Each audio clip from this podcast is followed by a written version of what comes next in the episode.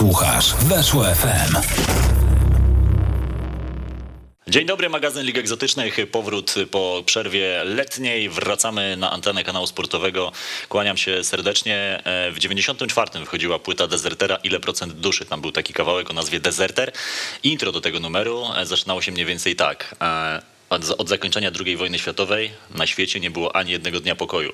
Dzisiaj słowo wojna na pewno będzie padało dosyć często, ponieważ program myślę, że będzie trochę inny niż zwykle, bo porozmawiamy o Afganistanie. Dzisiaj przybliżymy Wam sytuację w Afganistanie od strony sportowej, ale myślę, że i nie tylko, bo tych wątków politycznych niestety też nie uda się uciec. Bardzo ciekawi goście dzisiaj w programie, a pierwszym z nich Kuba Białek. Cześć Kuba. Cześć. Najmniej ciekawy ze wszystkich ciekawych. Nie, spokojnie, na pewno nie, natomiast... Ja to nie jestem oczywiście ekspertem od afgańskiej piłki, po prostu wczoraj zaczęliśmy ze sobą rozmawiać na korytarzu i okazało się, że no, rozmowa się klei. Tak, wczoraj, z, wczoraj z Kubą niestety. przegadaliśmy jakieś pół godziny na temat afgańskiej piłki, to prawda? E, tak. Bo ty też jesteś na czasie ostatnio po rozmowie z Omranem Hajdarem, a więc zawodnikiem Lechii Gdańsk. No wyszła z tego niemała burza, e, z tego wywiadu. E, już pomijmy może kwestię tego, że, że, że, że ten wywiad miał być blokowany, natomiast ostatecznie się ukazał. Mm, I chciałem zacząć od tego, że co cię najbardziej w tym wywiadzie z reprezentantem Afganistanu ubodło, albo może zadziwiło, albo co cię najbardziej uderzyło? Zszokowało, myślę, że to jest dobre słowo. E, no przede wszystkim jakby e, Omran wytłumaczył sposób myślenia talibów, którzy zabijają w imię religii, oczywiście religii źle pojmowanej i Omran, który jest no, dość ortodoksyjnym muzułmaninem, E, jakby też podkreśla, że, że to jest fałszywe postrzeganie religii. No i ludzie, którzy zabijają właśnie w imię, w imię islamu, twierdzą, że należy im się jakaś nagroda i, i tą nagrodą są kobiety, które sobie po prostu zabierają. No, widzą na ulicy kobietę i mhm. twierdzą, że ty będziesz moją żoną i, i po prostu tak, tak jest i, i tak się to, to odbywa. Więc jakby no, wielopoziomowe, e, wielopoziomowe coś, coś totalnie nie do zrozumienia dla nas. No, jak po pierwsze można zabijać w imię religii, po drugie uważać, że to jest coś, czym czym się trzeba chwalić, co zasługuje na jakąś nagrodę. Po trzecie, żeby tą nagrodą były kobiety. No coś, to było coś, coś strasznego, ale to, że powiedział, o, jakby narysował cały kontekst y, tej sytuacji, zdaniem Omrana, to było tak, że talibów w zasadzie stworzyli Amerykanie. E, bo w latach 80. to Rosjanie mieli dużo do powiedzenia, jeśli chodzi o Afganistan. No, Afganistan był takim wdzięcznym krajem e, na tej, na tej geopolitycznej mapie, bo on się znajdował w towarzystwie Chin i w towarzystwie Rosji, dwóch wielkich mocarstw, a, a miał sporo jakichś zasobów, więc no, chciały te kraje położyć swoją rękę na, na, tych, na tych zasobach i, i Amerykanom się to z kolei nie spodobało, którzy też chcieli to, to zrobić, więc to Amerykanie jakby zdaniem Hajdarego stworzyli tych talibów, dali broń, e, nauczyli walki e, i, i sami później, i kiedy ci talibowie wygonili Rosjan ze swojego kraju, no to sami ci Amerykanie e, jakby próbowali zaprowadzić pokój, no być może dla, dla jakichś tam swoich celów e, też politycznych, czy, czy swoich celów gospodarczych, jeśli chodzi o, o różne, różnego typu surowce. Natomiast no, też teraz uciekli wszyscy Amerykanie, zostawili całą broń. E, w, w, kraju, o tym mówi Omran i, no i ci talibowie sobie po prostu tę broń wezmą i dzięki czemu mogą terroryzować e, naród afgański. E, ja muszę ci powiedzieć, że dotarłem do Afgana, który mieszka tutaj w Warszawie. Zostaw, została cała jego rodzina, prawie cała jego rodzina tam w Afganistanie, w Kabulu i w okolicach. No jesteśmy w kontakcie od trzech dni i no on mi mówi, że on nie śpi od trzech dni, bo cały czas próbuje się skontaktować z nimi. Mm, nie chce za bardzo ujawniać, gdzie dokładnie mieszka, bo to mogło przysporzyć jemu, a właściwie jego rodzinie większych problemów. Natomiast jak sobie tak z nim rozmawiałem przez te ostatnich e, kilka dób, no to opowiedział mi taką rzecz, która jest dosyć uderzająca, bo przez te ostatnie 20 lat, kiedy Afganistan dźwigał się po tych e, sytuacjach z talibami, kiedy talibowie wyszli na początku XXI wieku z Afganistanu, Afganistan robił e, bardzo duży krok naprzód, e, nie tylko pod względem gospodarczym, ale właśnie i sportowym, bo choćby piłka nożna przecież zaczęła się bardzo mocno rozwijać. Powstała liga w 2012, dzisiaj nazywa się Afgan Premier League. Jakkolwiek no, śmiesznie to nie brzmi, to ta, to, to ta liga rzeczywiście mm, nie dość, że sportowy aspekt tutaj przynosiła, ale też miała być taką, takim lekiem na traumę mm, dla ludzi, którzy przeżyli tę inwazję talibów wcześniej. I rzeczywiście miało to być, odciągać ich troszeczkę, ich myśli właśnie od tego, co przeżyli wcześniej. No, wiemy, że ta liga w tym roku nie wystartuje. Zaplanowany start był na wrzesień. To się na pewno nie no, wydarzy, no, bo dzisiaj w Afganistanie mało kto myśli w ogóle o tym, żeby grać w piłkę, o uprawianiu jakiegokolwiek sportu. W 2006 roku powstała reprezentacja kobiet Afganistanu. E, stworzyła ją właściwie jedna osoba, Khalida Popal, to jest była reprezentantka Afganistanu, e, która 6 lat później musiała uciekać z Afganistanu do Danii, e, bo talibowie jej po prostu grozili śmiercią. Ona stworzyła reprezentację. Stworzyła reprezentację, zorganizowała treningi dla kobiet, szukała miejsc, gdzie można grać w piłkę. No, trzeba sobie zdać sprawę, że w Afganistanie do tamtej pory Afganki nie mogły chodzić w ogóle w krótkich spodenkach, na co dopiero uganiać się za piłką, za sportem z zachodu. E, ona dokonała tego. Zrobiła coś, czego nie potrafili dokonać w Afganistanie mężczyźni przez wiele, wiele długich lat. Mm, I no, jednak 6 lat później sama zdecydowała, że lepiej będzie uciec. Dzisiaj namawia do tego, żeby wszystkie reprezentantki kraju usuwały jakąkolwiek swoją e, obecność w social media, żeby też ludzie ich nie oznaczali, żeby no, w jakikolwiek sposób nie dali im mm, pokazać, gdzie te dziewczyny mogą się znajdować obecnie. Też sama mówi, że otrzymuje mnóstwo telefonów od tych y, koleżanek, które zostały w Afganistanie, żeby pomogła, żeby coś zorganizowała, jakąkolwiek ucieczkę, bo dzisiaj każdy, kto gra w piłkę, już nie tylko kobieta, ale także i mężczyzna, jest traktowany dla talibów jako cel, bo piłka nożna, jeżeli talibowie będą u władzy, będzie zakazana. O reprezentacji Afganistanu możemy zapomnieć. Tak, tak, no i też y, reprezentantki Afganistanu, czy po prostu kobiety, które są w jakiś sposób kojarzone z piłką nożną, one po prostu uciekają ze swoich y, domów, no bo sąsiedzi mogą mogą powiedzieć talibom, że no tu mieszka kobieta, która gra w piłkę i, i, i czytałem, że, że właśnie też Kalida Popal do tego zachęca y, reprezentantki, żeby, żeby wyprowadzały się gdzieś do swoich dalszych rodzin w innych częściach e, Afganistanu, gdzie po prostu nie są znane i no przyjechała jakaś kobieta, nikt nie wie, że ona grała kiedyś w piłkę i, i to może zapewnić bezpieczeństwo. Też y, działacze, którzy w jakiś sposób byli ko kojarzeni z kobiecą piłką nożną, oni też y, muszą uciekać, no najlepiej chcieliby uciec z kraju. No, ty dzisiaj powiedziałeś przed programem, że obecnie na lotnisku w Kabulu jest 200 tysięcy ludzi, którzy czekają tak. na dostanie się na pokład. No to są jakieś niewyobrażalne, niewyobrażalna skala tego, co się, e, co się tam, tam dzieje. No generalnie sytuacja kobiet jest teraz e, arcydramatyczna w Afganistanie. Dzisiaj czytałem wypowiedź 29-letniej e, burmistrz e, jakiegoś mniejszego e, miasta afgańskiego. To była jedyna kobieta burmistrz w całym Afganistanie. No i ona powiedziała, że ona dzisiaj siedzi w domu i czeka na śmierć. Że ona po prostu wie, że ci talibowie przyjdą, no bo kobieta nie może być u władzy, prawda? No jak to przecież to jest coś haniebnego dla ich pojmowania religii, że kobieta sprawuje władzę nad mężczyzną. E, więc y, ona siedzi ze swoim mężem w domu i mówi wprost o tym, że ci talibowie kiedyś przyjdą, prędzej czy później po prostu ją znajdą. Nie ma takiej opcji, że, że jej nie znajdą. Nie ma takiej opcji, że nie będą chcieli jej znaleźć. Siedzi i, i, i się żegna ze światem. E, dzisiaj w tym programie będziemy mieli okazję porozmawiać sobie z dwoma e, Afganami. Jeden z nich mieszka tutaj w Warszawie, drugi jest kapitanem reprezentacji narodowej. To za kilka chwil, natomiast ten pierwszy, a więc ten, który mieszka tutaj jest bezpieczny, opowiada mi o tym, że jemu zależy teraz na tym, żeby nagłaśniać całą sytuację, żeby świat się dowiedział, o co tak naprawdę chodzi i jak wygląda sytuacja. On się nie boi swoją rodzinę? To jest ten, o którym mówiłeś? Tak, to jest, no, bardzo Bo się jego boi. rodzina została tam i mogą talibowie bardzo się kojarzyć boi. to, że on się wypowiada tutaj. No rzekomo no, jakoś odcięli się od kontaktów jakichkolwiek mm. publicznych, żeby nikt mm. nie mhm. skojarzył rzeczywiście. Mm. Natomiast on powiedział mi, że mm, bo talibowie w świat wysyłają takie przesłanie, że rzeczywiście będzie spokój, że oni absolutnie nie będą robili tych strasznych rzeczy, o które się, o które się ich posądza. E, Sadik, bo tak ma mój rozmówca na imię, pozwoli użyć swojego imienia, więc jak najbardziej mhm. mogę. Mm, mówi mi, żebyśmy nie dali się temu zwieść, że on daje kilka miesięcy i z Afganistanu stanie się druga Korea Północna. Świat mhm. zostanie, zewnętrzny zostanie odcięty. Już są problemy z internetem, e, z prądem tam na miejscu. Za kilka miesięcy, kiedy talibowie już zaimplementują tę swoją władzę totalną, to, to możemy zapomnieć o tym, żeby dowiedzieć się o tym, co się dzieje. To, że my dzisiaj dostajemy zdjęcia z Afganistanu, mm, to jest y, i tak duży przywilej, bo za jakiś czas możemy zostać od, totalnie odcięci od tego wszystkiego. Mhm. No i to jest o tyle przykra sytuacja, że mm, wracając jeszcze do piłki, w tamtym roku sezon, w ogóle sezon w to jest coś przedziwnego. 15 meczów to jest cały sezon. Gra 8 drużyn, e, po jednym z każdego regionu Afganistanu. E, stolica ma oczywiście także swoją, e, swój, swój klub. Jest 8 drużyn podzielonych na dwie grupy, po 4 drużyny. Drużyny grają ze sobą, po, każdy z każdym po jednym spotkaniu.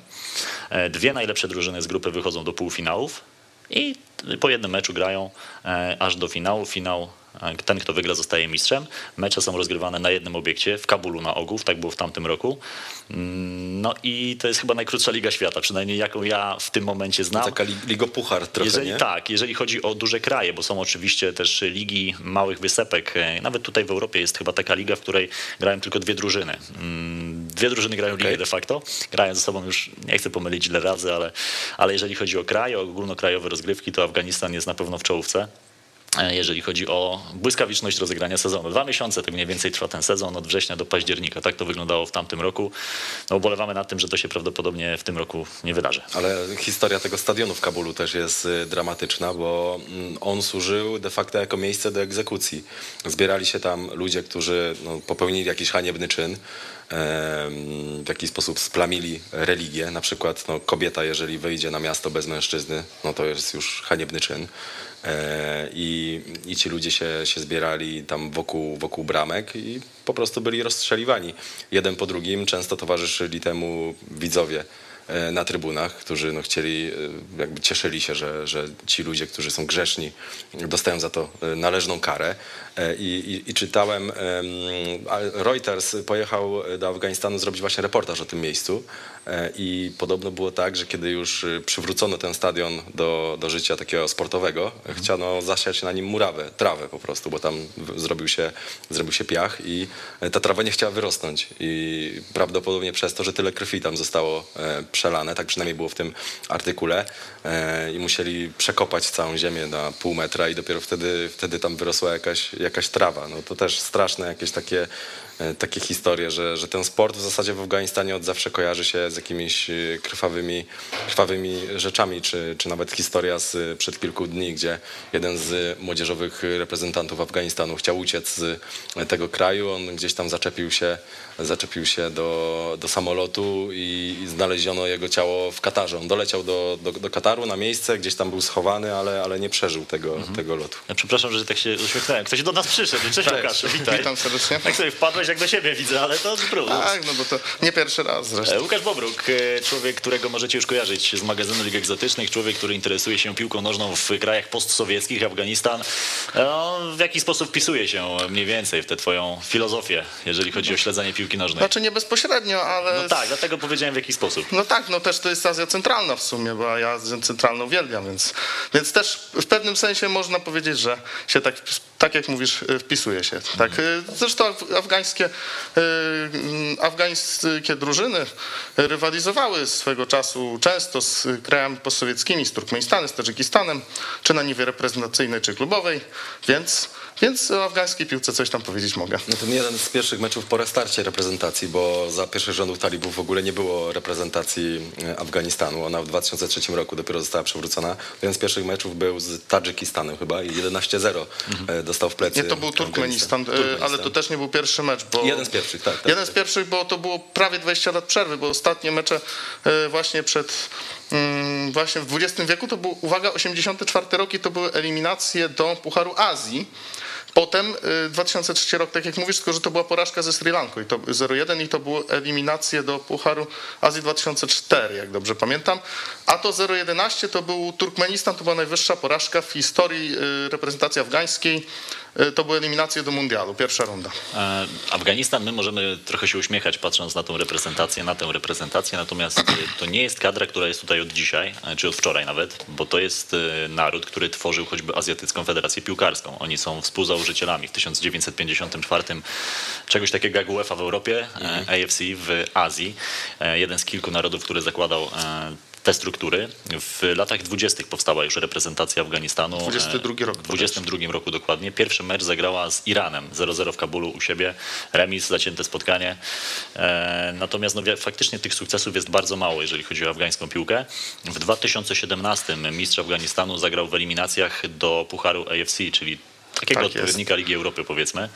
E, odpadł. W już pierwszej rundzie po dwumeczu przegrał 0-1 z ekipą Tadżykistanu. Hosilot Farhor, drużyna, która była y, przez chwilę na szczycie tadżyckim, potem zleciała i teraz w drugiej lidze tadżyckiej sobie, y, sobie tam tkwi.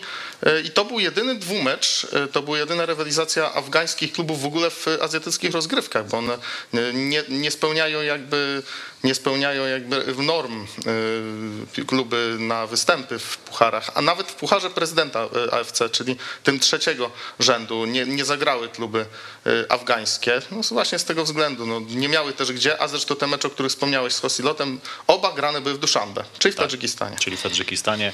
E, Dopytywałem mojego gościa, z którym rozmowę zobaczycie dzisiaj w drugiej części tego programu i naprawdę zachęcam was, żebyście zostali do końca. Nasze gadanie to jest dzisiaj przystawka do tego, co się wydarzy w tej drugiej części. On opowiadał mi, że ten klub zagrał tylko dlatego, bo udało się zebrać e, kilku sponsorów, e, bo nigdy w życiu na to afgański klub nie pozwoliłby sobie, żeby lecieć na mecz wyjazdowy i, i grać tam w piłkę po prostu. E, Dodał mi jeszcze ciekawą rzecz, że posiadając afgański paszport, posiadasz, i tutaj cytat, najgorszy paszport na świecie. On ci niczego nie daje. On, e, do każdego niemal kraju na świecie musisz mieć wizę. E, Do Indii, które są już całkiem niedaleko od siebie, też musisz mieć wizę. Mm, O innych krajach, o europejskich krajach już w ogóle można zapomnieć. Stąd też w reprezentacji Afganistanu grają zazwyczaj zawodnicy posiadający podwójne obywatelstwo, którzy mają jakieś korzenie gdzieś indziej. E, Dlatego łatwiej jest im wyjechać do Europy czy też do świata, bo tak naprawdę reprezentacja Afganistanu, jeżeli sobie spojrzymy na przynależność klubową, to jest prawdziwa wieża Babel. Tam są zawodnicy reprezentujący kluby z Indii, e, z Kanady, Stanów Zjednoczonych, z Bangladeszu, bo to też jest całkiem popularny kierunek, na którym, którym można całkiem nieźle zarobić, jak na warunki afgańskie. E, Mamy też przecież dwóch reprezentantów w Polsce, bo Omran Hajdary to też nie jest jedyny Afgan grający w Polsce w e, Olimpii Grudziądz. Jest też kolejny reprezentant e, Afganistanu. E, Popal Zaj się chyba nazywa. tak, podobno bardzo dobrze wykonuje rzuty wolne. E, Mój rozmówca mi to mówił, że jeszcze pamiętam, ma w pamięci kilka tych rzutów wolnych.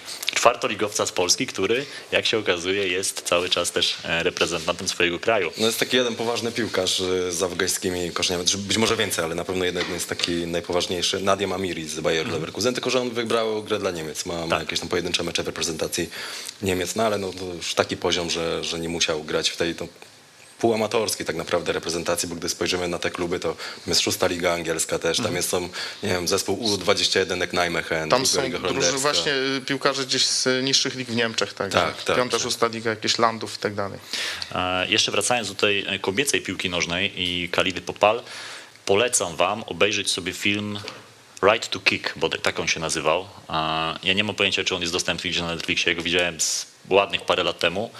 E, Bodaj tak się nazywa. Jeżeli ktoś natrafi na prawdziwą nazwę, to niech mnie poprawi, ale bodaj tak, prawo do kopania jakby. To jest właśnie o Między innymi o budowie piłki nożnej kobiet w Afganistanie. Przejmujące to były obrazki, a to były obrazki sprzed mniej więcej 10 lat, tak, się, tak mi się wydaje, więc kiedy tych talibów tam nie było tak naprawdę.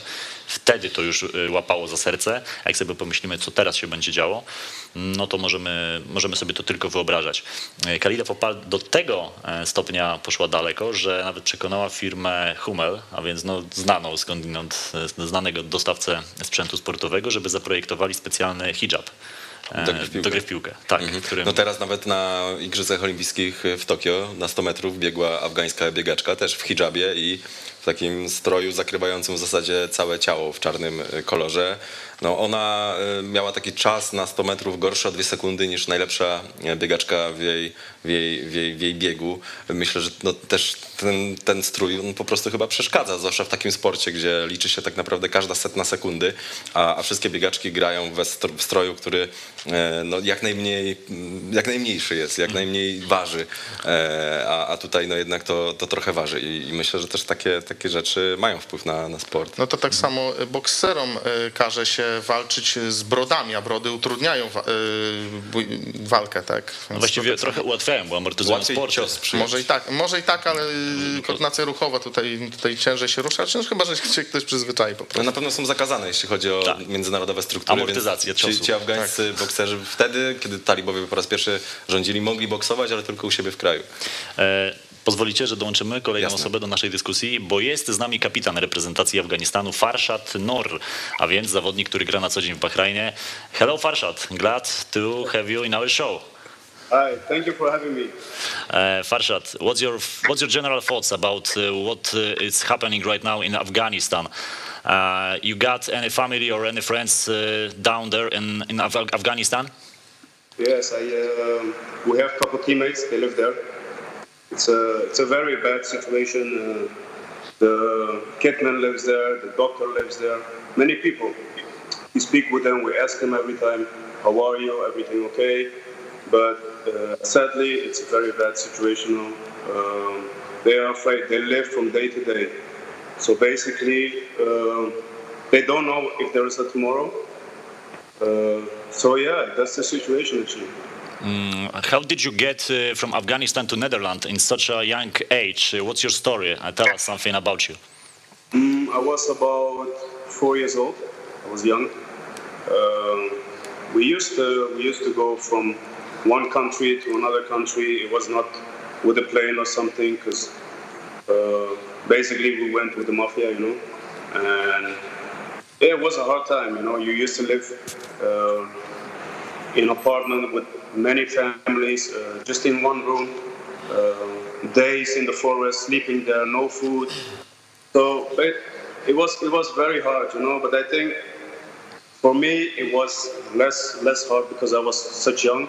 But for my parents to leave their country, to have their work, the family, uh, the friends, uh, and obviously also the love for the country, to leave it behind, it was a hard time. Mm, can you tell us something about Afghan League? Is this a full professional competition or semi-professional? Do players earn some money from uh, playing football? I don't think you can call it professional because, from what I know, the league is only two or three months. It's just a short period of time. Uh, from what I know, the players they don't earn money. So um, yeah. Mam nadzieję, że zaraz się połączymy z powrotem z Farszadem. Że, że, że to nie jest sprawka talibów, że nam się tutaj ten kontakt urwał. To złego to talibowi. Z Bahrajnu e, Farszad się z nami łączył. On gra obecnie właśnie w lidze Bahrajnu, natomiast występował już w lidze szwedzkiej. Występował e, oczywiście także mm, w Holandii. Nawet był młodzieżowym reprezentantem Holandii do lat 17 bodaj. Później wybrał e, już tę dorosłą kadrę reprezentacji Afganistanu. Mm, powiedział o tym, że nie zarabia się pieniędzy w Afganistanie, w lidze. Natomiast ja słyszałem, że są nagrody dla najlepszych piłkarzy za każdy mecz. Nawet zasięgnąłem języka, ile to jest mniej więcej pieniędzy. O ile średnia pensja w Afganistanie wynosi od 60 do 80 dolarów, to piłkarz za zostanie MVP meczu dostaje czasami nawet, i 50 dolarów. Więc mhm. naprawdę no, poważne jak na afgańskie warunki pieniądze.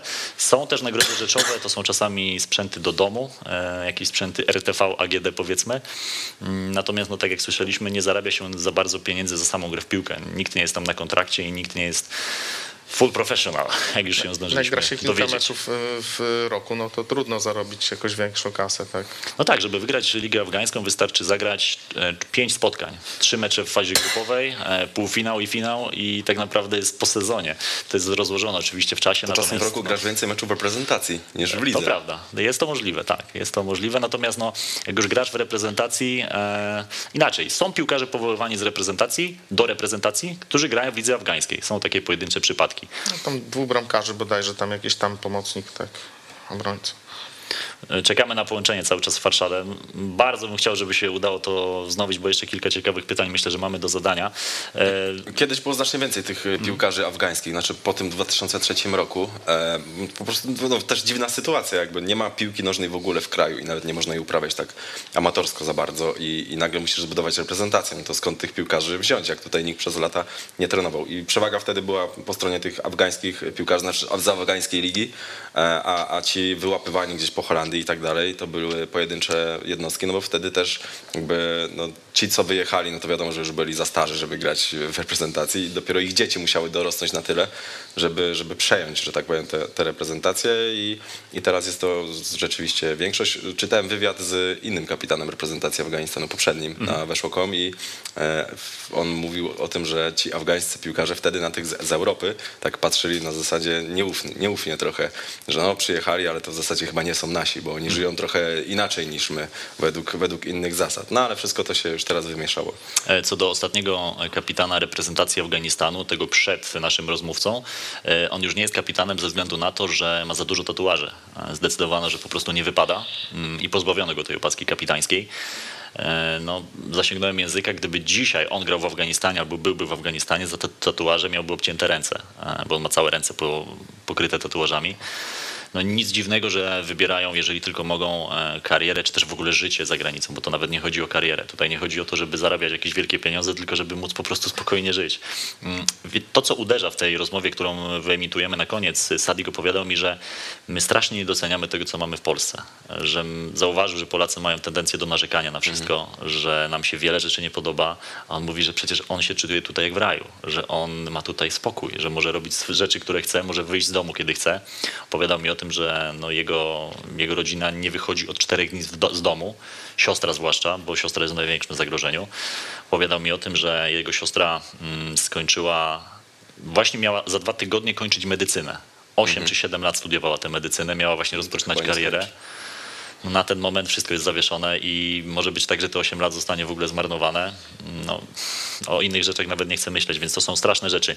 Shahin Asmai to jest y, ten najbardziej... Mogę jeszcze dokończyć do wątku mhm, e, wyjeżdżania z kraju, też jakby historia rodziców Omrana Hajdarego pokazuje, e, jak, jak bardzo pożądane jest to, żeby wyjechać z tego, z tego kraju. Wtedy, to był 2000, 2000 rok, e, jeszcze talibowie rządzili, chociaż już Ameryka przybliżała się do tego, żeby, e, żeby wkroczyć do kraju. No i ojciec Omrana był kardiochirurgiem. No, jeżeli jesteś w Afganistanie kardiochirurgiem, no to żyjesz na takiej stopie.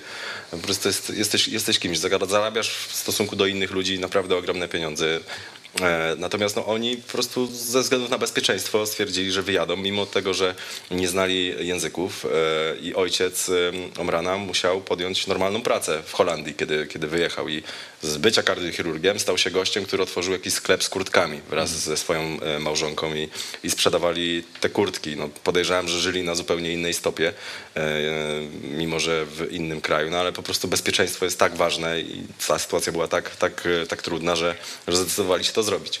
Mhm. E, co do zarabiania dobrych pieniędzy, na sporcie w Afganistanie da się zarabiać naprawdę dobrze. Zawodnicy reprezentacji krykieta to są według mojego gościa milionerzy wręcz. Oni nawet grali przedwczoraj swoje spotkanie, już po tym jak talibowie przejęli władzę, ale tylko dlatego, że byli za granicą, że ten mecz był zaplanowany gdzieś za granicami kraju i oni w tym momencie zostają odcięci kompletnie od środków, ponieważ już y, no, afgański rząd na pewno nie będzie fundował im jakichkolwiek pensji, nie, nie będzie ich zatrudniał w cudzysłowie, no bo w krykietę też grać nie można. Akurat Afganistan w krykietę jest naprawdę mocnym zespołem. Tam jest jedna odmiana krykieta jednodniowego, to się bodaj tak nazywa i akurat w tej odmianie Afganistan jest mega mocny.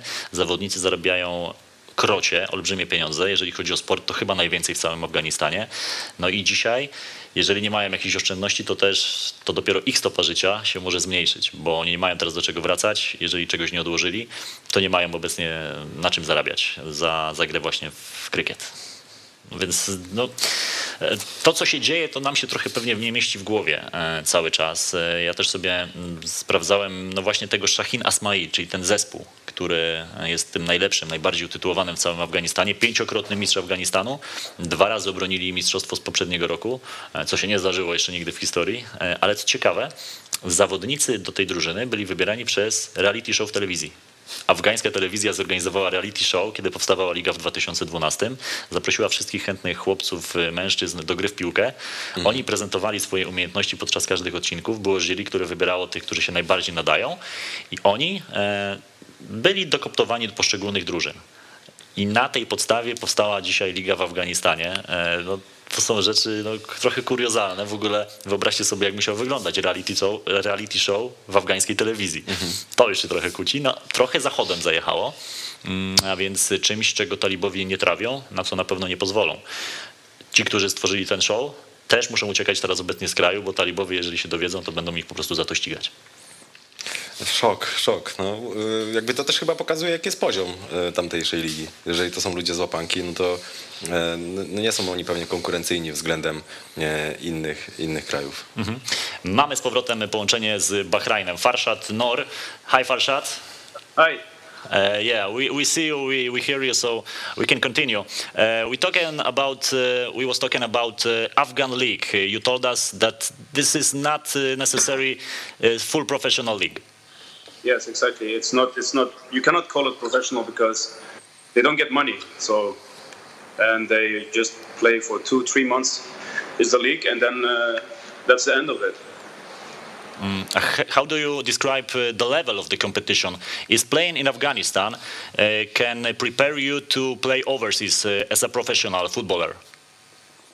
Uh, from what I know, uh, there has been a lot of changes. Uh, from the beginning, when I when I came to the national team, the players from Afghanistan who practiced with us with the national team, they were not so really, let's say, uh, not even close to the level from the European guys or the guys from the America, US. Um, but now, because they have changed uh, also the youth and everything, you see they make steps and everything. But obviously, living there is not is not uh, easy. So it's hard from uh, for them to to get on the same level like us. Mm-hmm. And what about supporters of the Afghan League? Do people want to watch the games uh, and in the stadium? Are they allowed to do that? And if yes, how many fans can go to the stadiums uh, to watch games live? You see, that's the crazy thing because it's dangerous there. But all what the people, this is this is for them. For them, it's it's it's a day to be uh, happy, to have joy, to feel, you know, to be away from from the for, uh, from this uh, scared feeling. So uh, yeah, the people that are coming, but yeah, how many people? Maybe 10,000, 20,000. It depends where you play. Mm-hmm. Uh, okay, so let's talk about national uh, team. You used to play for Netherlands uh, under 17 team. And when was the first time when the Afghan national team took interest in, in, to you? when did you become the captain of the Afghan national team? Uh, so when I was uh, when I was playing at the Roda ESA, uh, I was still I had the focus to play for the Dutch national team, but I broke my feet. I broke my feet for the second time, and in this time I had contact with the coach Anush Daskir. Back then he was a player, and then he became assistant coach. I spoke with him and I said to him, I'm thinking about, okay, to join the national team of Afghanistan. And he said to me, this is not the right timing to come there. So I waited maybe one year until he was uh, assistant coach. And then he told me, okay, this is the time to come here because there was a lot of uh, chaotic, uh, uh let's say also, there was also a lot, a lot of corruption also there, you know? So, um, yeah, and then I decided after my injury to, to join them. And to be honest, it was the best choice of my life. Okay, so when did you become a captain of the national team? Uh, I became the captain now, I think, for one year. I'm the captain. Um, the captain before was Faisal. He's a very good friend of mine. Um, yeah, the coach, uh, he wanted to have a new captain. Uh, obviously, uh, Faisal was not playing in the beginning so much, and then after, uh, he made the decision to make me captain. Okay. Uh, is there any game that you uh, especially uh, took in your mind, stuck in your mind? well, there are a couple games, but I think the game against against Qatar, against Qatar, we played a very good game. We lost 1-0, but they were the champions from Asia. Uh, so yeah, I think uh, this is one of the games that you see also that we could tell ourselves the team, and uh, we could we could take out like that we are really making step through the years also. And Afghanistan is not an easy team to beat anymore. Uh, during your time in national team, you met uh, two guys, Omran Haidari and Omid Popalzai. They are playing in Poland, uh, in Polish clubs. Uh, what would you say are the strongest and the weakest uh, parts of this guy? Can you describe uh, them for us? first of all, I want to I want to say they're very good guys very uh, uh, smart guys. Also, I mean, uh, they they are they want to learn. They they give everything to get better. this the strong side from them, I think, is their speed, obviously, because they're both wingers the, the weak side, I don't know. Maybe they are still young. They have to teach a lot uh, to get more mature, and that's it actually. Okay. Uh, Farshad, what is the future uh, of the Afghanistan and Afghanistan uh, sports and, and, football in general? What do you think?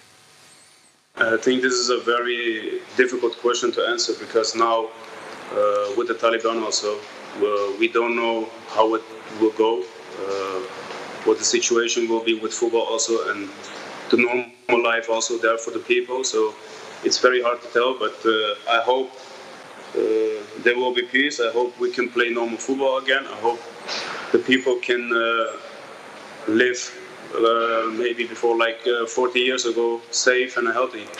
Farshad, uh, what if Taliban stay in the country? What if they create the whole new country and the whole new national team maybe? Will you play for them? Depends. I mean, look, don't get me wrong. Uh, before the Taliban, the government, they, they did nothing for the national team. They did totally nothing. So we were never playing for the government. We, we were playing we were playing for the for the people and that's it. So to say that we don't want to play for them, it's it's too soon to say because we don't know what they will do. Maybe they're gonna help us. Mm-hmm. You know? Okay. Farshad, uh, thanks for talking uh, with us uh, today. I wish you and your country all the best for the future. Thank you so much. Thank you for having me. Bye bye. Thank you. Thank you. Bye. Kapitan reprezentacji Afganistanu. No widać, że trochę rozdarty, że też no, nie do końca wie, co się wydarzy. No, jeżeli my tego nie wiemy, a tym bardziej nie wiedzą tego Afganie, a, czy, czy zawodnicy reprezentacji Afganistanu. dyplomację na koniec, że no, może nam trochę bardziej tak, to mnie niż ciekawiło. ten afgański rząd. To mnie ciekawiło.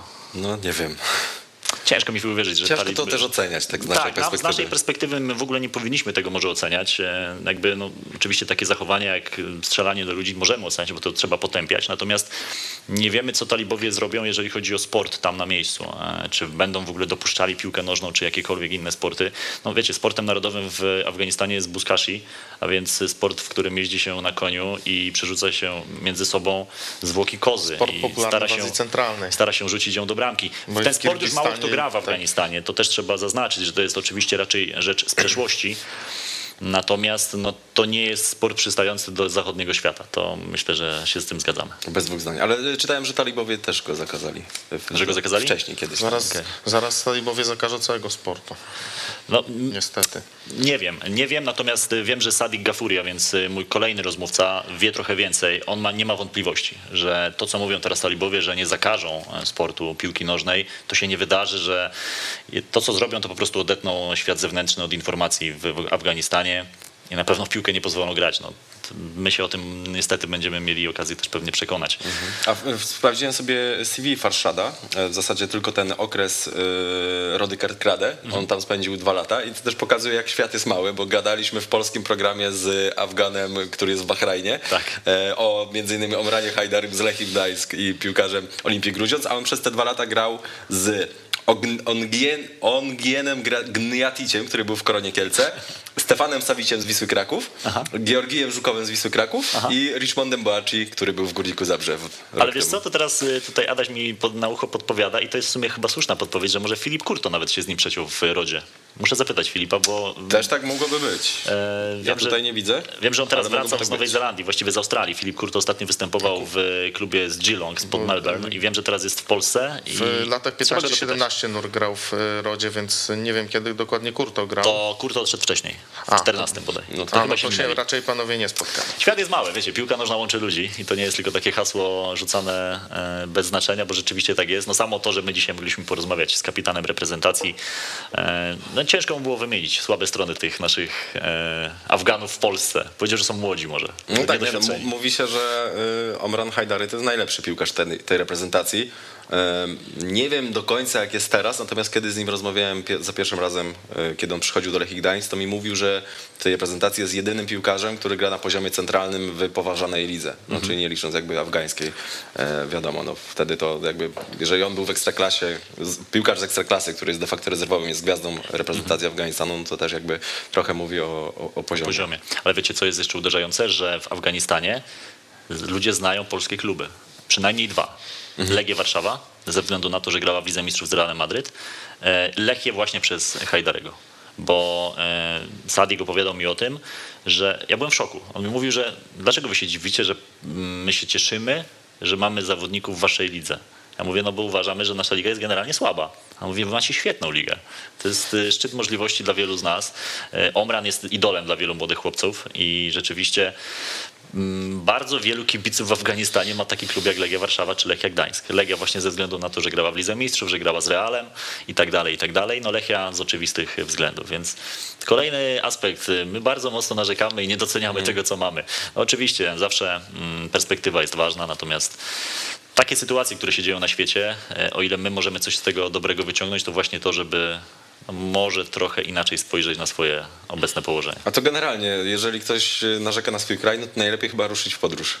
Mhm. Bo zwłaszcza poza Europę, e, bo w Europie no to jednak można się, może nie tyle powiedzieć kompleksów, co, co w wielu krajach jest, jest inaczej, zwykle lepiej, ale no jak się pojedzie wiem, do Azji czy do Ameryki Południowej, no to, to widać od razu, że my jednak żyjemy w bardzo poukładanym kraju i tu wszystko jest, co mhm. potrzebujemy. Łukaszu, Muartaza Ahmadi, to jest postać, o której w Afganistanie też było głośno. To jest ten chłopiec, którego mogliśmy widzieć na zdjęciach, e, który nosił reklamówkę z no, przerobioną, pomalowaną na koszulkę Leo Messiego, reprezentacji Argentyny. E, ta sytuacja no, mocno też obiegła cały świat, zdjęcia tego chłopca.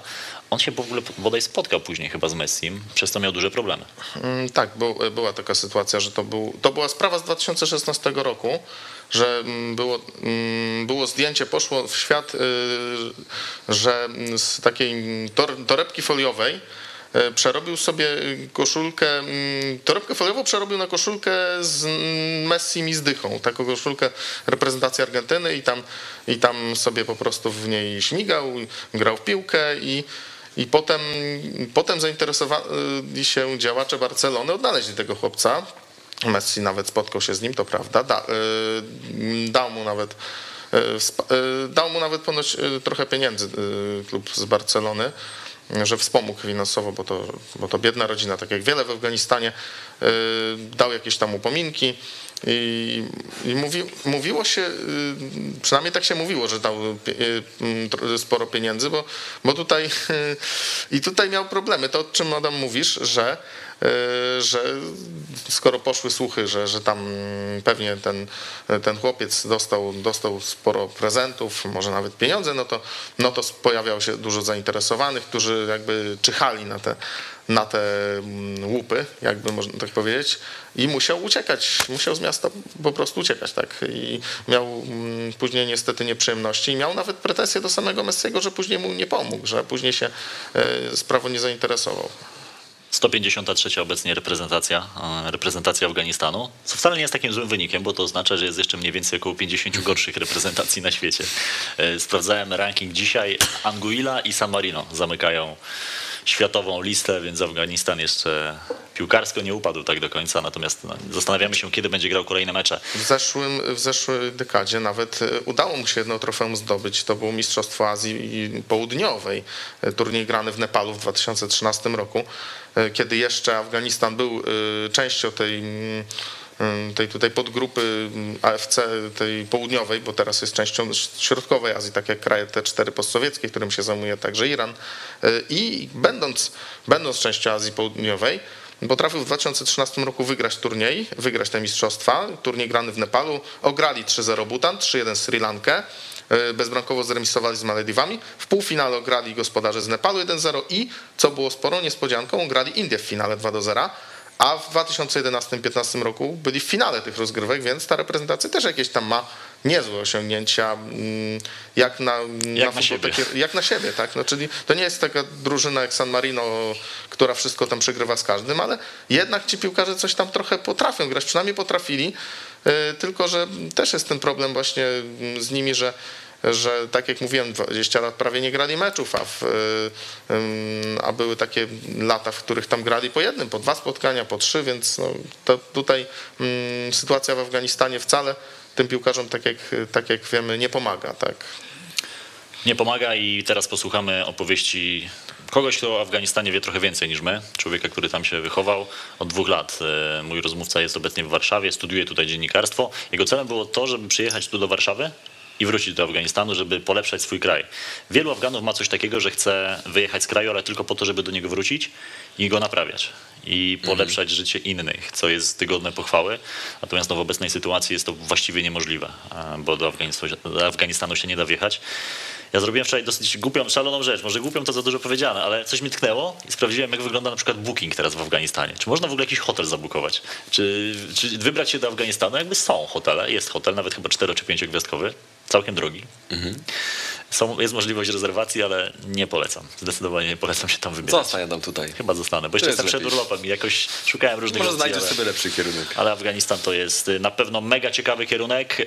E, Zostańcie z nami. Teraz przenosimy się na pobliskie boisko. E, Możecie zgadnąć, co to za boisko, a moim rozmówcą będzie no, człowiek, który o afgańskiej piłce wam opowie bardzo, bardzo dużo. Za tę część programu dziękuję Kubie i Łukaszowi, panowie. Dzięki. Dzięki. Dzięki. My się przenosimy na rozmowę z Afganem z krwi i kości, który opowie nam e, to i owo o piłce nożnej w tamtym kraju, o sporcie w tamtym kraju, ale i w ogóle o sytuacji. Kolejny magazyn za tydzień. Trzymajcie się. Zostańcie teraz z nami. Sadik, e, Sadik, najogólniej twoja opinia o tym, co się dzieje obecnie w Afganistanie. Well, it's very unfortunate what is happening in Afghanistan, but you know we're aware of what was going to happen. To wielkie nieszczęście. Obawialiśmy się tego, co może się wydarzyć, ale nie przypuszczaliśmy, że talibowie mogą przejąć całkowitą kontrolę. To smutne. Ludzie zaczynają się przemieszczać z miasta do miasta, z Gazni do Kabulu, bo myślą, że w tym drugim mieście będzie bezpieczniej. To smutne, że taka dzicz jak talibowie ma obecnie kontrolę nad rządem afgańskim. Kontrolują rynek, kontrolują policję, mają swoją własną ochronę. Przed kobietami w naszym kraju bardzo złe czasy. Nie będą mogły nosić krótkich spodenek, nie będą mogły chodzić do szkoły, one nie będą mogły nawet wychodzić z domu. To wszystko jest bardzo smutne.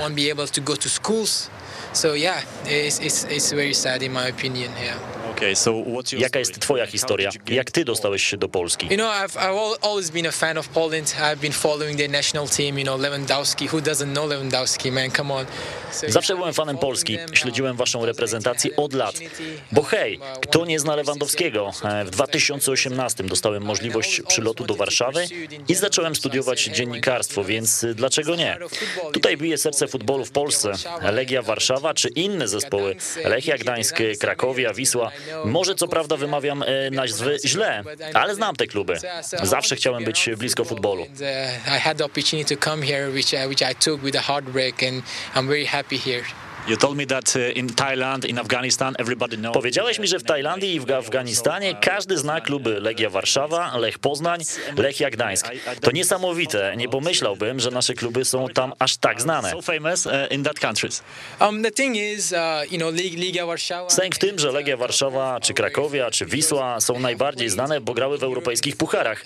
Był czas, gdy Legia grała z Realem, chyba kilka lat temu, nie jestem do końca pewny. Mamy wielu fanów Realu Madryt w Afganistanie, więc doskonale znają e, polski zespół i może nie grają najlepiej, ale przynajmniej osiągnęli taki poziom, że mogli w ogóle zagrać w Lidze Mistrzów. Myślę o Legii. To bardzo inspirujące. W Tajlandii polskie kluby są również bardzo znane, ponieważ po prostu jest tam wielu fanów europejskiej piłki.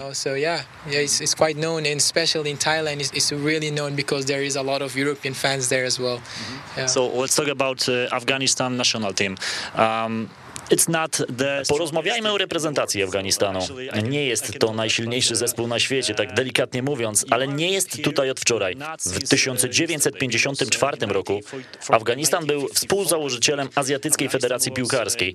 Wcześniej dołączył do FIFA. E, Tak naprawdę piłka nożna w Afganistanie ma swoje początki już na początku XX wieku. Yeah, we joined the the football federation in the 90s. Tak, dołączyliśmy do FIFA w latach 50., ale Afgański Związek Piłki Nożnej powstał w latach 20., dokładnie w 1922, więc istnieje dosyć długo. Mieliśmy duży potencjał, ale przez wojny, inwazje, takie jak sowiecka, talibów czy Amerykanów, nie mogliśmy tego zaprezentować. Wciąż mamy duży potencjał, wiele ludzi na ulicach grających w piłkę i myślę sobie za każdym razem, jak ich widzę, wow, jak im dobrze idzie. Ludzie zawsze patrzyli na nas z góry, myśląc, że Afganistan to kraj wojny, więc jakich my możemy mieć zawodników? A tak naprawdę mamy bardzo ciekawych graczy i gdyby nie to, co przez lata dotykało nasz kraj, bylibyśmy silną drużyną w Azji.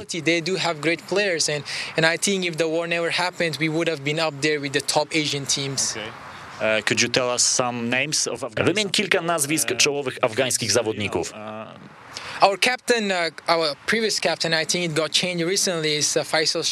Niedawno został zmieniony kapitan drużyny narodowej, bo uznano, że Faisal Szajszetech ma za dużo tatuaży i nie może grać w reprezentacji. To nie wypada. Talibowie by go zabili, ale ma szczęście, bo gra w Europie. Ma też drugie obywatelstwo, więc jest bezpieczny, ale niestety tak długo, jak talibowie będą rządzić naszym krajem, nie będzie mógł tutaj wrócić. Świetnie wykonuje rzuty wolne. Jest też Omid Popalzaj, który grał w Polsce w Olimpii Grudziądz. To dla nas powód do dumy, że nasi zawodnicy mają szansę, żeby grać w takim kraju jak Polska. Byłem dumny, gdy tu trafił. Polska liga jest na dobrym poziomie. Różnica między ligą polską a na przykład włoską jest taka, że we Włoszech są większe pieniądze. Gdyby na przykład Lechia miała te same środki, byłaby na dużo wyższym poziomie. Jestem bardzo dumny, że w ten sposób nasi zawodnicy mogą reprezentować się na świecie. To, że mamy afgański paszport, nie oznacza, że nie nadajemy się do piłki. We still have talent and we can still play football. Just because we have Afghan passport, it doesn't mean that we are not good enough. In your national team, they are players. Zawodnicy waszej reprezentacji grają rozsiani po całym świecie. Dwóch w Polsce, a pozostali w Indiach, Kanadzie, Stanach Zjednoczonych, Bahrajnie czy nawet Bangladeszu. Jak bardzo trudno jest zostać zawodowym piłkarzem w Afganistanie. To be honest, it's it's very hard. Szczerze mówiąc, to bardzo trudne. Zazwyczaj, gdy zawodnicy mają okazję wyjechać, to tylko dlatego, że mają drugie obywatelstwo. Nie potrzebują wizy do Kanady czy Europy, ale gracze, którzy mają tylko afgański paszport, bądźmy szczerzy, to najgorszy paszport na świecie. Nie możemy nigdzie jechać. Nawet gdybym chciał lecieć z Afganistanu, choćby do Indii, potrzebuję wizy. Dlatego piłkarzom jest bardzo trudno wyjechać i pokazać swoje umiejętności. Aczkolwiek mamy paru zawodników, którzy mimo posiadania tylko afgańskiego paszportu grają w różnych ligach, na przykład w Indiach czy właśnie w Bangladeszu, ale wciąż to jest bardzo trudne. This uh, Opowiedz nam o lidze Afganistanu. Czy to liga profesjonalna, półprofesjonalna, czy może w pełni amatorska? a Premier League, Afghan Premier League? Actually, this, that's the name. Uh. Um, Na początku nazywało się to wszystko Afghan Super League, teraz nazywa się Afgańską Premier League. Jest ona jak najbardziej profesjonalna. Podlegamy Azjatyckiej Federacji Piłkarskiej. Jeden z naszych zespołów awansował nawet do gry w Pucharze AFC kilka lat temu, kiedy udało się zebrać wielu sponsorów. I think it was 2016-17. It was a while back when they have a lot of sponsors and the league was still is still continuing to do well. So yeah, it, it, it is a professional league. Yeah. You got any idea? how Jakie są w takim razie średnie zarobki piłkarzy w Afganistanie? Football? To nie są duże pieniądze. Dla przykładu, za wybór najlepszego piłkarza meczu średnio zawodnik dostanie około 5 tysięcy Afganii, co równa się około 250 zł. Czasami dostają też ubrania lub wyposażenie domu. W Polsce to mało, ale dla nich to dużo pieniędzy. 200 zł to około 50-60 dolarów, a średnie zarobki w Afganistanie na miesiąc to około 60 dolarów miesięcznie. Sadiq, uh, tell me, have you got any friends? Czy masz rodzinę bądź znajomych teraz obecnie w Afganistanie? Czy masz z nimi kontakt i informacje, co się z nimi będzie teraz działo? happen with them tomorrow?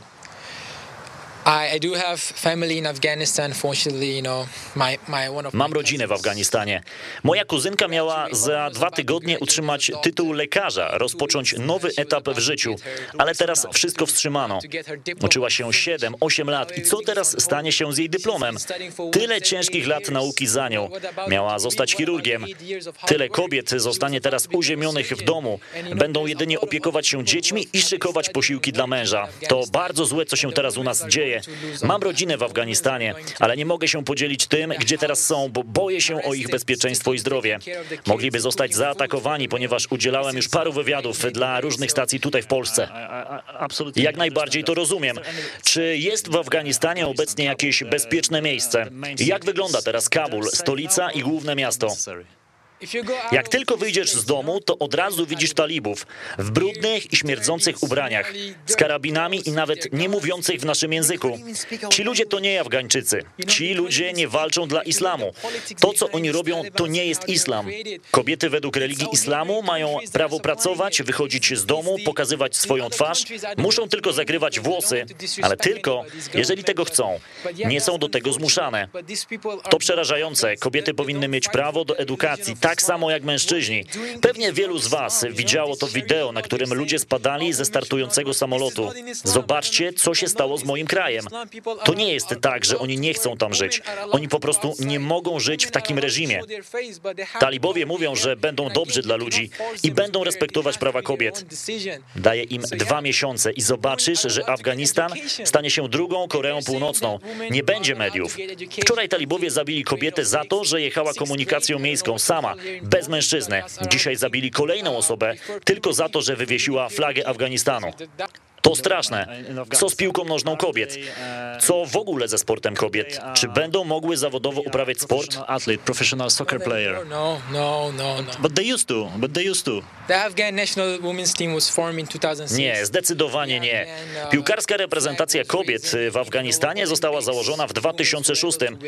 Afganistan brał wcześniej udział w Igrzyskach Olimpijskich. Startowały także kobiety, które mogły nosić tradycyjne afgańskie ubrania.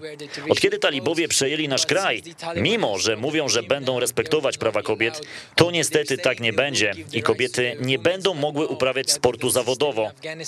Talibowie wierzą, że kobiety nadają się tylko do opieki nad dziećmi i domem. Sportem narodowym w Afganistanie jest buzkashi. To bardzo stara gra, w którą tak naprawdę nikt już nie gra. Polega na tym, że uczestnicy jeżdżąc konno rzucają do siebie zwłoki kozy i za cel mają wrzucić je do bramki. Najlepszą reprezentacją Afganistanu jest natomiast reprezentacja krykieta. Są w top 10 na świecie w meczach jednodniowych. Są też zawodnicy, którzy grając zarabiają na tym miliony. Reprezentacja krykieta w Afganistanie jest bardzo silna, czego nie można niestety powiedzieć o tej piłkarskiej, chociaż radzą sobie coraz lepiej. Aktualnie wszystko zostało wstrzymane z oczywistych względów. Back to woman. Khalida Popal. Girl Wracając do kobiet, kobieta o imieniu Khalida Popal zupełnie zmieniła kobiecą piłkę w Afganistanie. To ona doprowadziła do powstania kobiecej reprezentacji. Zorganizowała treningi, nawet namówiła firmę Hummel do stworzenia specjalnych hijabów do grania w piłkę nożną. Czy jest rozpoznawalna w twoim kraju? Na pewno znają ją talibowie, a gdyby była teraz w Afganistanie, to jej życie byłoby w bardzo dużym niebezpieczeństwie. Widziałem wywiady z nią, w których mówi, że boi się o swoich przyjaciół, współzawodniczki i trenerki, które nadal przebywają w Afganistanie. Ponieważ są to osoby dosyć znane i są bardzo zagrożone, talibowie na razie mogą im nic nie zrobić, ale ostatecznie skończy się tak, że prawdopodobnie ich zabiją. These people will be unfortunately killed by the Taliban. Yeah. Yeah, she already Khalida Popal już w 2012 opuściła Afganistan i mieszka w Danii. To ważna postać, ale tak jak mówiłeś, jest w dużym niebezpieczeństwie, ale do, dokładnie tak samo jak każda inna kobieta w Afganistanie. Każda, która zawodowo uprawia sport. Uh. Uh, Nie tylko te, które zawodowo uprawiają sport, ale tak naprawdę każda kobieta w Afganistanie jest w dużym niebezpieczeństwie. Kobiety nie chcą się zgodzić na reżim talibów, bo to oznacza koniec ich praw. Nie będzie żadnych kobiet w parlamencie, w wojsku czy też policji. Myślę, że jedyna profesja, w jakiej kobiety będą mogły dalej pracować, to medycyna. W Afganistanie jest dużo lekarek, to bardzo inteligentne kobiety i być może one mogą być bezpieczne, chociaż z talibami nigdy nie wiadomo. Jest tak wiele sportów w Afganistanie. Mieliśmy nawet reprezentację w łyżwiarstwie, więc nie tylko piłkarki są zagrożone. Mam nadzieję, że wszystkie oczy są skierowane na nas, że media informują o sytuacji w Afganistanie i że inne kraje nam pomogą.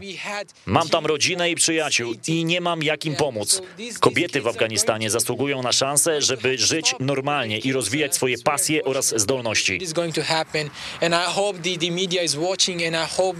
The, European country, the European Council, and the UN is watching to save these people's life. Shahin Asmai. That's the most notable. Uh, Shahin Asmai to wasz najbardziej znany zespół, pięciokrotny mistrz Afganistanu i zwycięzca poprzedniego sezonu, gdy rozgrywki zostały wstrzymane przez COVID. mm, a band which was stopped. Yeah. But COVID and many other reasons, but if you want to push Shaheen Asmai, Tak, to taka nasza afgańska Legia Warszawa.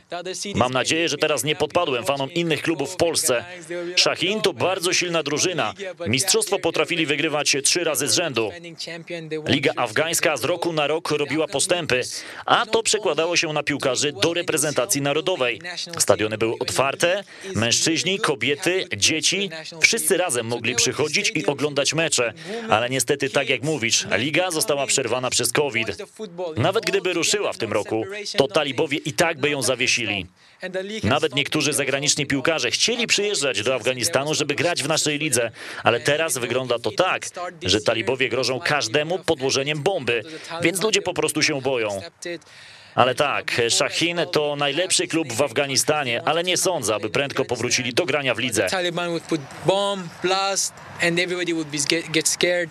Any sports. Uh, Czy jest szansa, że jakiekolwiek sporty wrócą do Afganistanu?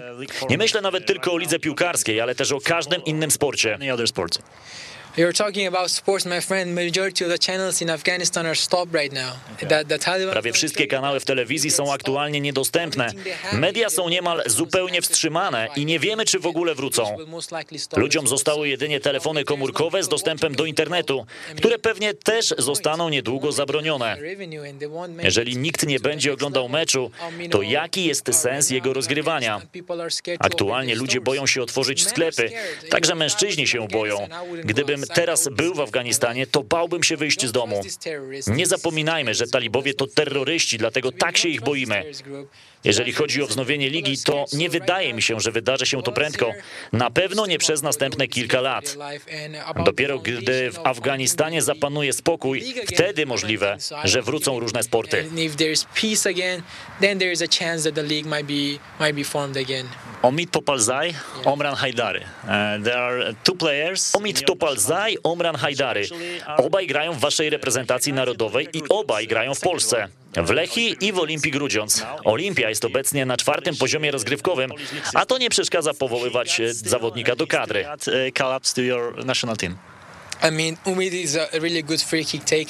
Omid to świetny wykonawca rzutów wolnych. Wciąż pamiętam kilka jego bramek. Dla nas to wielki honor, że nasi zawodnicy w ogóle grają w Europie, nieważne gdzie. Wam wasza liga może wydawać się słaba, ale dla nas mieć tam zawodnika to wielkie wyróżnienie.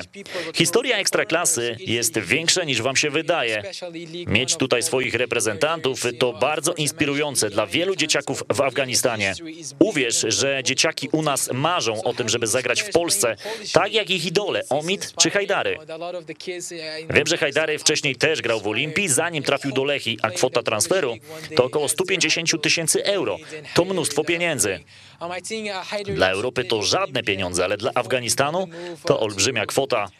To jeden z największych transferów w naszej historii. Takie transfery sprawiają, że nasza reprezentacja jest silniejsza. Wcześniej nasza kadra była zamieszana w korupcję, ustawianie meczów, teraz to się zmieniło.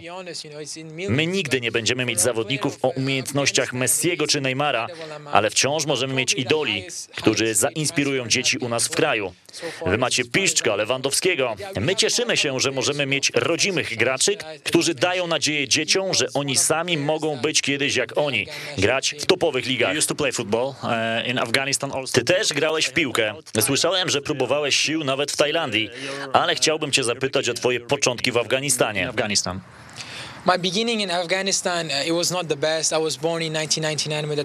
Moje początki nie były łatwe. Urodziłem się w 99, gdy talibowie weszli do kraju. Musieliśmy wtedy uciekać jako uchodźcy do innych państw. W 2006 byliśmy już w Tajlandii, gdzie mój ojciec rozkręcał swój własny biznes.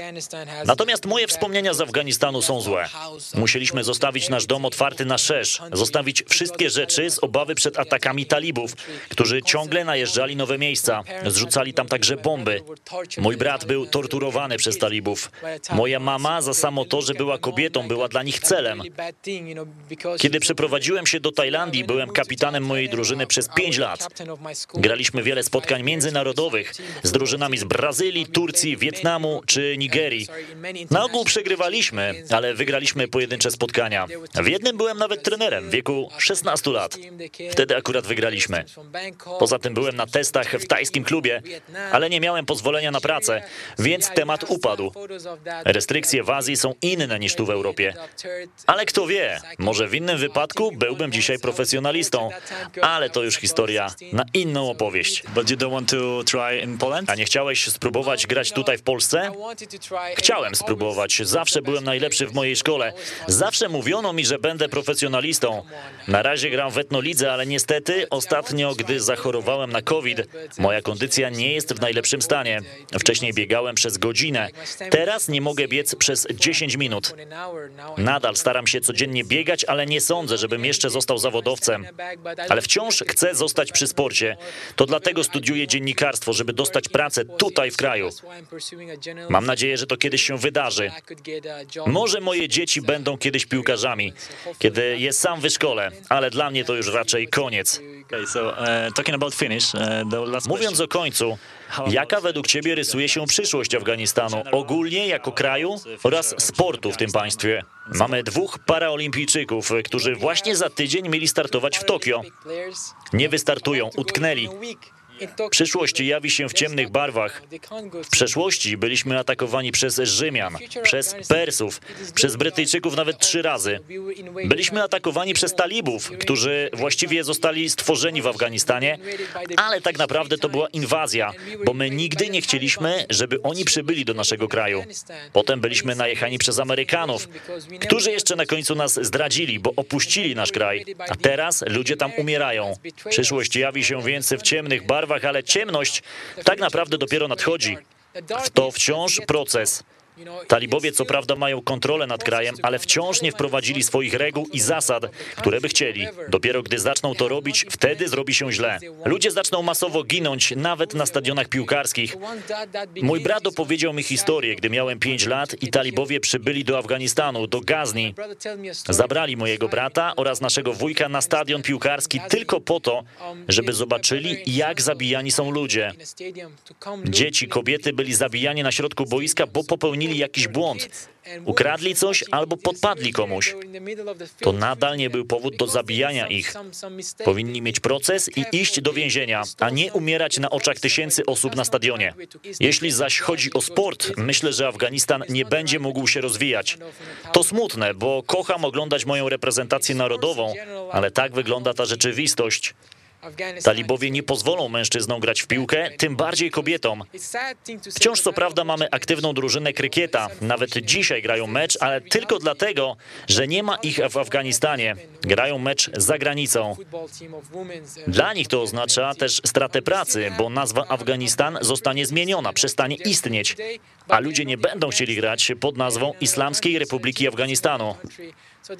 To będzie całkiem nowe państwo z całkiem nową flagą, które ludzie, której ludzie nie chcą. Ludzie nie chcą grać dla talibów. To smutne, ale mam nadzieję, że sytuacja jakoś zmieni się na lepsze. Jeśli mam być szczery, nie spałem od 3-4 dni. Mój tata podobnie.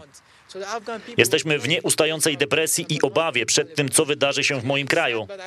Przybyłem do Polski, żeby ukończyć studia i wrócić do Afganistanu i polepszyć mój kraj. Teraz nie mogę już tego zrobić. Co mi pozostaje? To smutne, ale muszę zostać tutaj w Polsce, wykonywać moją pracę tutaj na miejscu, skończyć studia. Afganistan na pewno nie jest miejscem, żeby zaczynać swoje życie, ani tym bardziej miejscem, żeby je polepszać. Sadiq Gafuri was my guest today. Uh, Sadiq, Moim gościem był Sadik Gafuri. Sadik, życzę Ci, żeby przyszłość przyniosła tylko dobre rzeczy. Wiem, że to trudne, ale dziękuję. Dziękuję za to i za możliwość przyjścia tutaj oraz za to, że Polacy przyjęli mnie z otwartymi rękoma, kiedy aplikowałem o wizę. Polacy to bardzo otwarty i życzliwy naród. Czasami media stawiają Polskę w złym świetle.